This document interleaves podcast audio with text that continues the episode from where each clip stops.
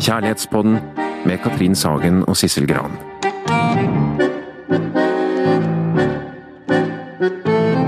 Her sitter Sissel og jeg i studio, og det vi gjør her, det er å utforske det store temaet kjærlighet. Hva er kjærlighetens bestanddeler? Når blir noe kjærlighet? Hvordan varer kjærlighet? Hvorfor knuses den, og hva kan man gjøre for å få den til å vare? Og en rekke andre spørsmål. Vi skal egentlig by på alt det du trenger å vite om kjærlighet. Det skal vi. Og i dag skal vi fortsette med erotikken som forsvant. Og vi skal snakke om babylykke. her er vi en liten låt i bakgrunnen her? Ja, altså den lille låten som vi hører i bakgrunnen, det er, eh, den heter My Blue Heaven. Og jeg kom på den da vi satt og forberedte oss til dette temaet, vet du. Fordi det er en veldig gammel eh, innspilling fra 1927. Faren min var så glad i den, og spilte den på gitar og sang My Blue Heaven. Just Molly and me. And baby makes three. We're happy in my blue heaven. Just Molly and me and baby makes three, we're happy in my blue heaven. Og det som er interessant med den, det er nok at altså blant annet at John Gottman, vet du, som eh, er liksom parforskeren over alle parforskere, han har laget et kursprogram og en bok også, tror jeg, som heter And Baby Makes Three. Denne sangen er så utrolig romantisk. Det er sånn, han kommer hjem til konemor og til lille baby, og livet er bare helt vidunderlig. I hans Blue Heaven. Mens uh, Gottmanns uh, kursprogram jo handler om at det er jo slett ikke uh, et paradisisk eh, prosjekt når et par får barn. Nei. Det er vanskelig, og det er kanskje i hvert fall ikke et erotisk prosjekt. Selv om det må til for at babyen skal komme, og det er jo nesten et slags paradoks, men sånn er det. Det betyr jo ikke at ikke folk er lykkelige når, når de får baby, Nei.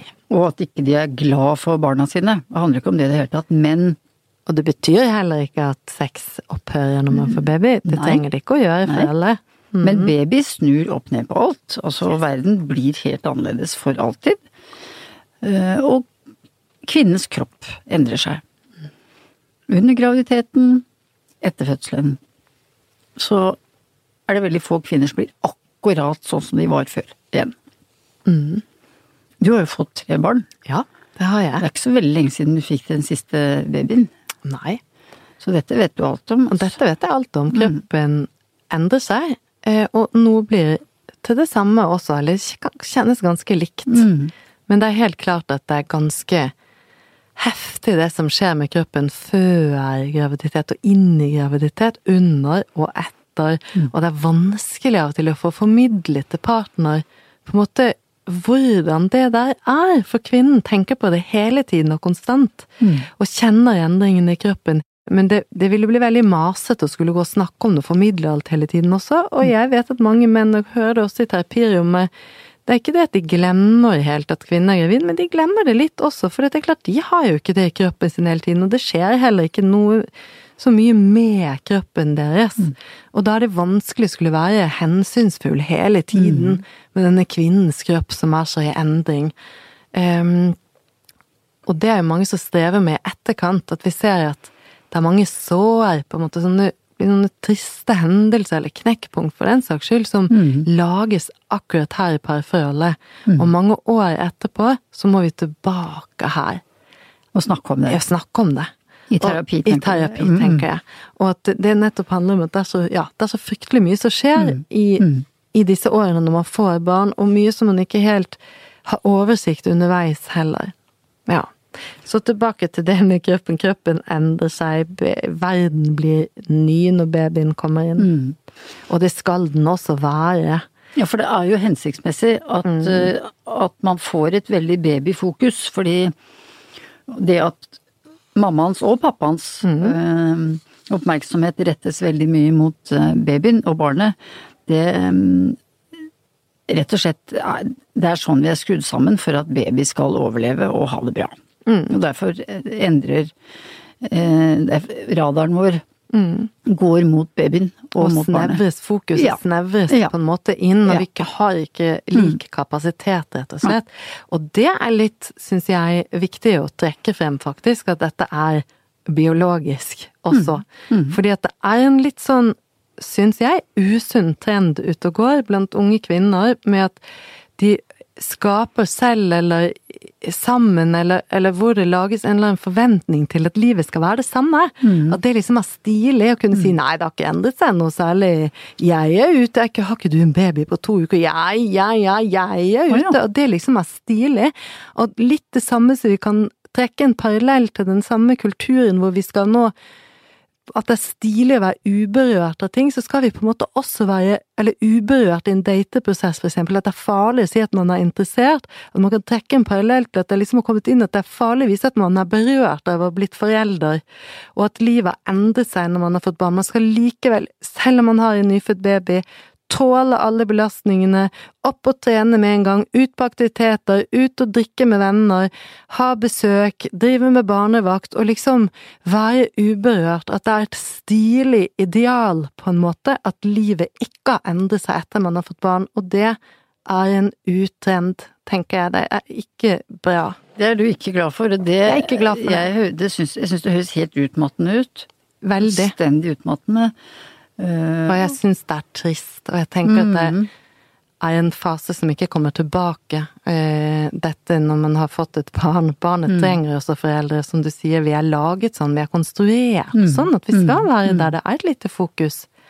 Og plutselig er barnet stort også, den tiden får du ikke tilbake. Trene og drikke vin kan du gjøre resten av livet. Det er så sant. Men da må vi jo til dette med punktet igjen, da. Som øhm, handler om at det kan bli for mye baby. Absolutt. Uh, og for mye småbarn. Tenk på um,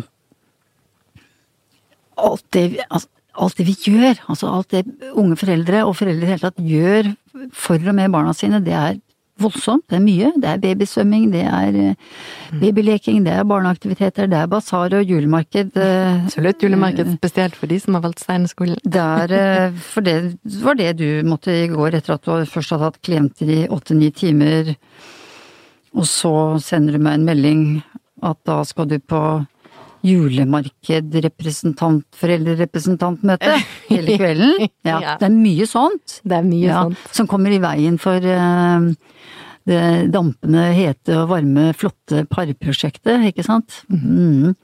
Hvor, eh, hvor ble det av, hvor blir det av paret oppi all baby- og barnevirksomhet? Så det, det som er en ut, stor utfordring for mange par med barn, det er jo eh, at, at det blir en konflikt mellom det å være kvinne og mamma, og det å være mann og pappa. Altså det er vanskelig å Og det er vanskelig å gripe etter en kvinne som er veldig mamma, og som nesten ikke er kvinne lenger, men som bare er mamma. Hvor det er Hvor han har gått helt inn i, i den rollen. Så kan jo spørre seg noen ganger om um, om, Kan det være sånn at babyen og småbarn og store barn tar litt for mye plass. Ungdom også litt for mye plass i den moderne familien, også i den forstand at mye av foreldrenes, skal vi si, eros, da, altså sensuelle, kroppslige energi flyttes over på barna. Altså, og flyttes bort fra parets eget eros og deres egen seksuelle og sensuelle energi. Um, det tenker jeg på noen ganger at um, tror det snakkes litt for lite om det, uten at vi skal kaste barn ut med badevannet, for det skal vi ikke. Barn trenger masse trygghet og kos og nærvær, og at foreldrene, mamma og pappa, er der. Men jeg tror kvinnen og mannen i paret forsvinner noen ganger i Helt noen ganger faktisk i mamma og pappa-rollen. Og ofte litt umulikt kanskje for kvinnen mer enn for mannen, og det skaper konflikt. Frustrasjon og tristhet. Jeg tror du har så rett, og jeg kjenner igjen så fra om at så mange strever med dette og lurer på hvordan de skal finne frem til hverandre, eller eh, at de er utakt på når og hvor mye sex de vil ha. Og i denne fasen er spesielt sårbar. Nå sier jeg denne fasen, det er jo en lang fase du har beskrevet nå, for det er jo både små barn og oppholdsstore, men det er i grunnen barnefasen er utfordrende, men jo eldre barn blir, jo mer alenetid kan foreldrene skape, på en måte. Eh, men det er ikke dermed gitt at de klarer å få sexlivet på plass igjen etter barnefødslene. Absolutt ikke. Jeg tenker at hvis 14-åringen vil ligge i sofaen og spise pizza og se på TV eller se på en serie sammen med mor og far til mm, etter nesten mor og far har lagt seg, så er det jo sånn for mange par at de lukker nesten døra til sitt eget erotiske rom. Altså de går ikke inn der fordi det det, for, altså det, det interfererer med, med det å være foreldre. Sånn at de legger hele sexprosjektet på hylla kanskje i mange år. Til begges frustrasjon. Eller den enes frustrasjon. Um, og vi vet inderlig godt at mange går fra hverandre på grunn av sexdød i parforholdet. Det er en årsak til at mange par kommer i, i terapi. Fordi lysten er borte, og gnisten er vekk, og den ene eller begge er dødsfrustrerte på grunn av det. Um, de har ikke Altså den ene, kanskje særlig, har ikke skrudd seg på eh, på mange, mange år.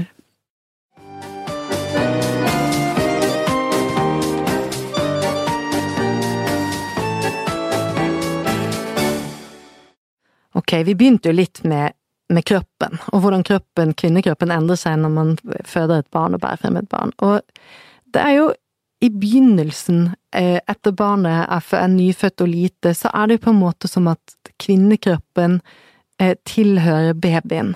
Eh, om man ammer eller ikke ammer, så, så kjennes det ofte sånn likevel.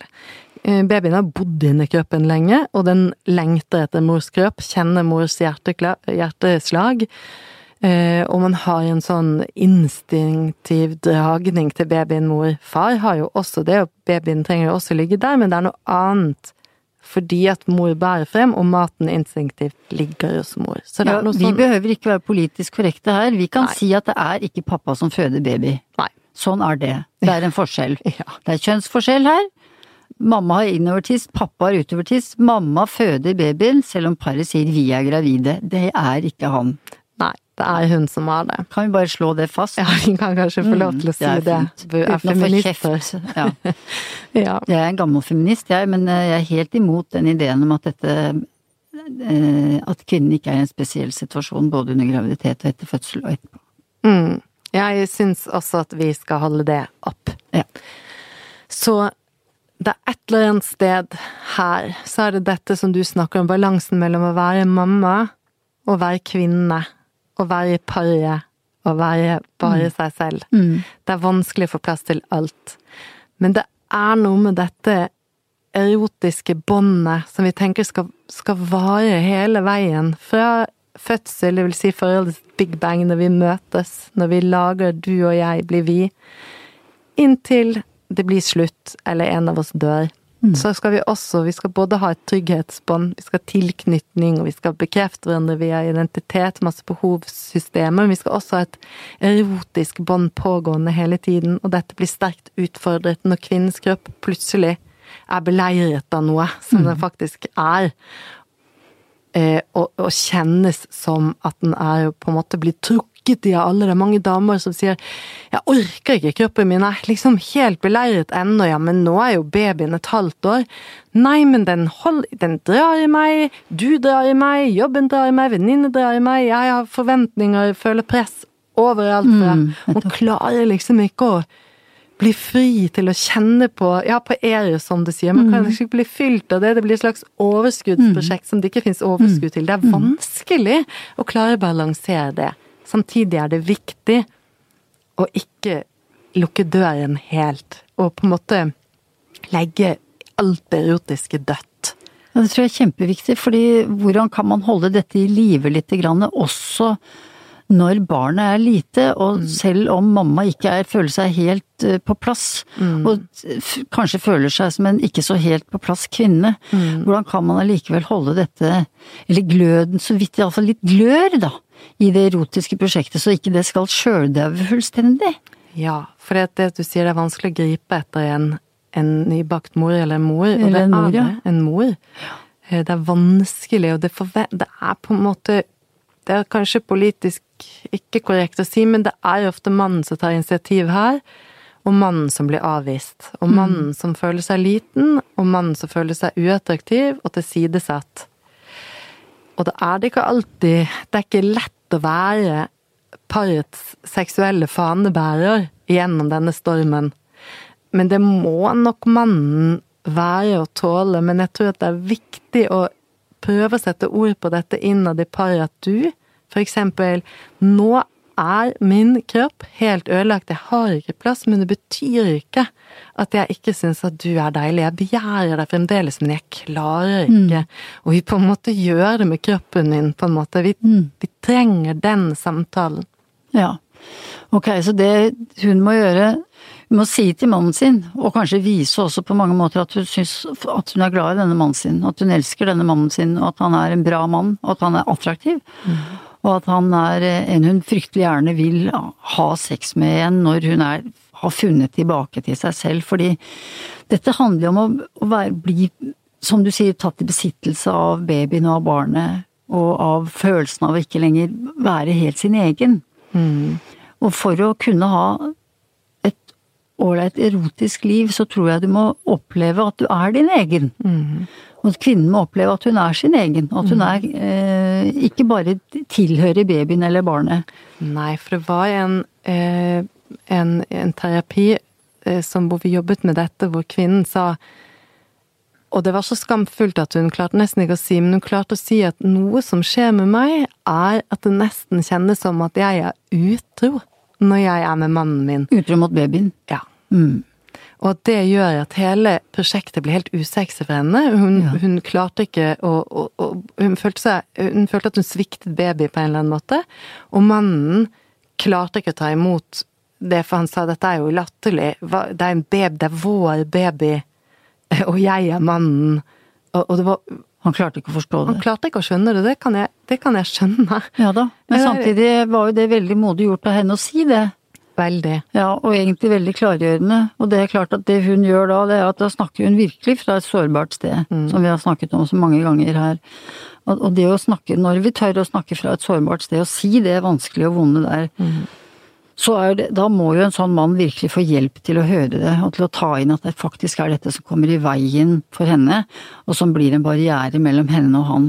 Hun klarer ikke å være kvinne sammen med mannen sin, fordi hun greier bare å være mamma, og, og, og føler seg utro overfor babyen hvis hun har sex med mannen sin. Det er jo ikke sprøtt. Det er ikke sprøtt, og dette var også deres første barn, var veldig overveldende situasjon. Og my, mye, så, men dette paret kom igjennom det, og de, de fikk en samtale hvor de kunne forstå at at nå er det kanskje sånn, men det betyr ikke at det skal være sånn for alltid. Og nettopp det at det har blitt sagt, så ble det ikke Så gikk på en måte det skamfulle vekk, og så Ja. klarte på en måte å normalisere det litt og skjønne at det er ikke så veldig rart som du sier. Det er ikke så rart. Og mannen er ikke avvist, det er ikke Ødipus.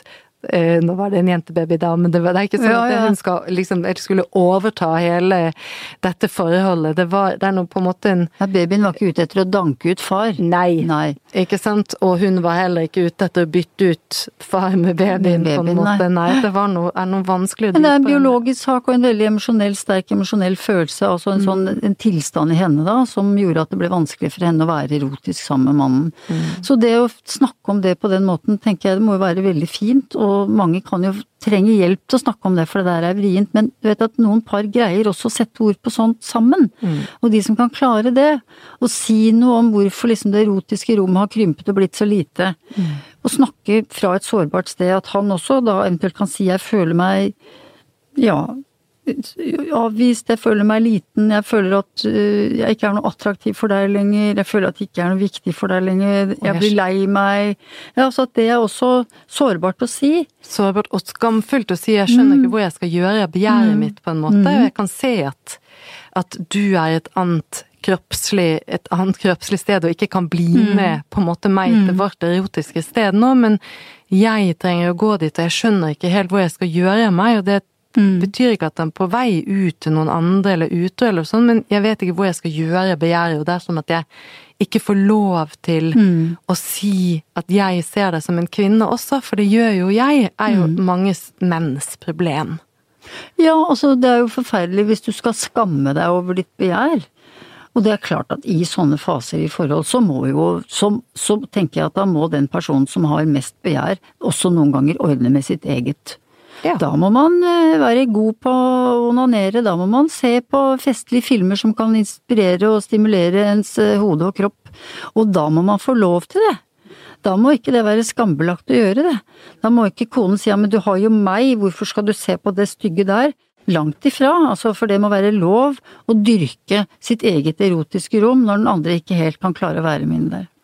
Så er jo utfordringen når noen trygge par får til dette, nettopp det å lage et, et annet, nytt erotisk sted.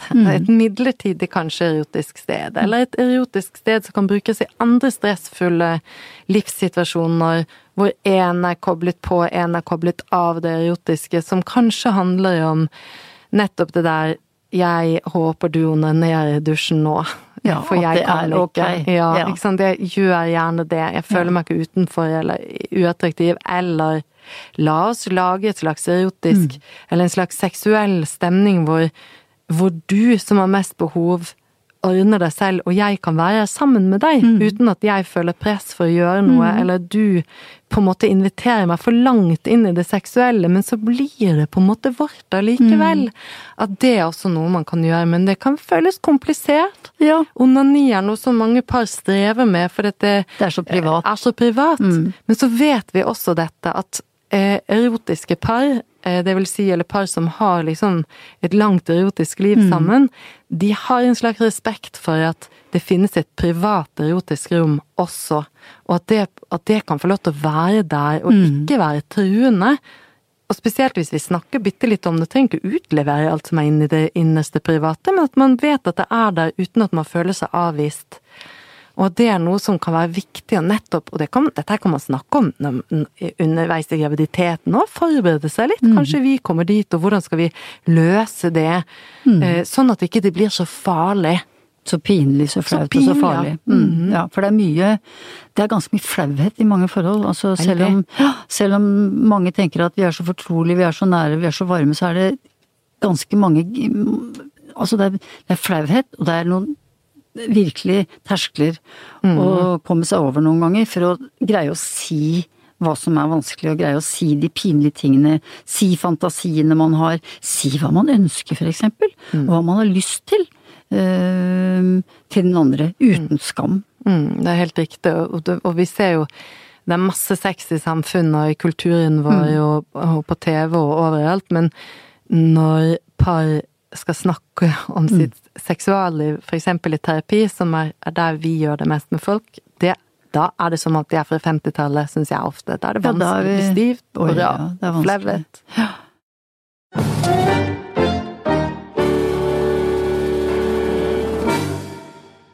Vi har funnet frem til et lite tekstutdrag fra Geir Gulliksens bok 'Historie om et ekteskap', som er ja, noe mer løfterikt for eh, par med barn. Dette er en scene som foreldrene desperat forsøker å få seg litt sex på soverommet med to unger i stua som stadig forstyrrer, og som må ha hjelp med TV-en og fjernkontrollen og vi kan gå inn der og høre litt yes, på sneket seg litt har sneket seg litt unna. har rett og slett ja, skapt det. Altså, de har prøvd å karve til seg det rommet igjen, ikke sant, og det Vi kan høre på Ola G. Furuseth når han eh, leser her. Og så ropte den yngste sønnen vår på meg, og stemmen hans var klar og åpen. Han var trygg på tilværelsen og trygg på oss. Han visste at vi var der for han. Han ropte Pappa, kan du hjelpe meg å sette på TV-en? Og da hun kjente at jeg ikke klarte å svare, ropte hun, litt for høyt. Pappa, kommer snart! Og det var jo sant, og vi hørte det begge to, men vi lo ikke, ikke med det samme. Hun snøftet bare, og jeg lagde en fornærmet lyd. Jeg prøvde ikke å komme ut av det, men det lot seg ikke gjøre, det gikk ikke. Vi hørte at han nærmet seg. Han var på vei inn til oss igjen. Han ville forsikre seg om at jeg ikke hadde glemt at jeg skulle hjelpe ham.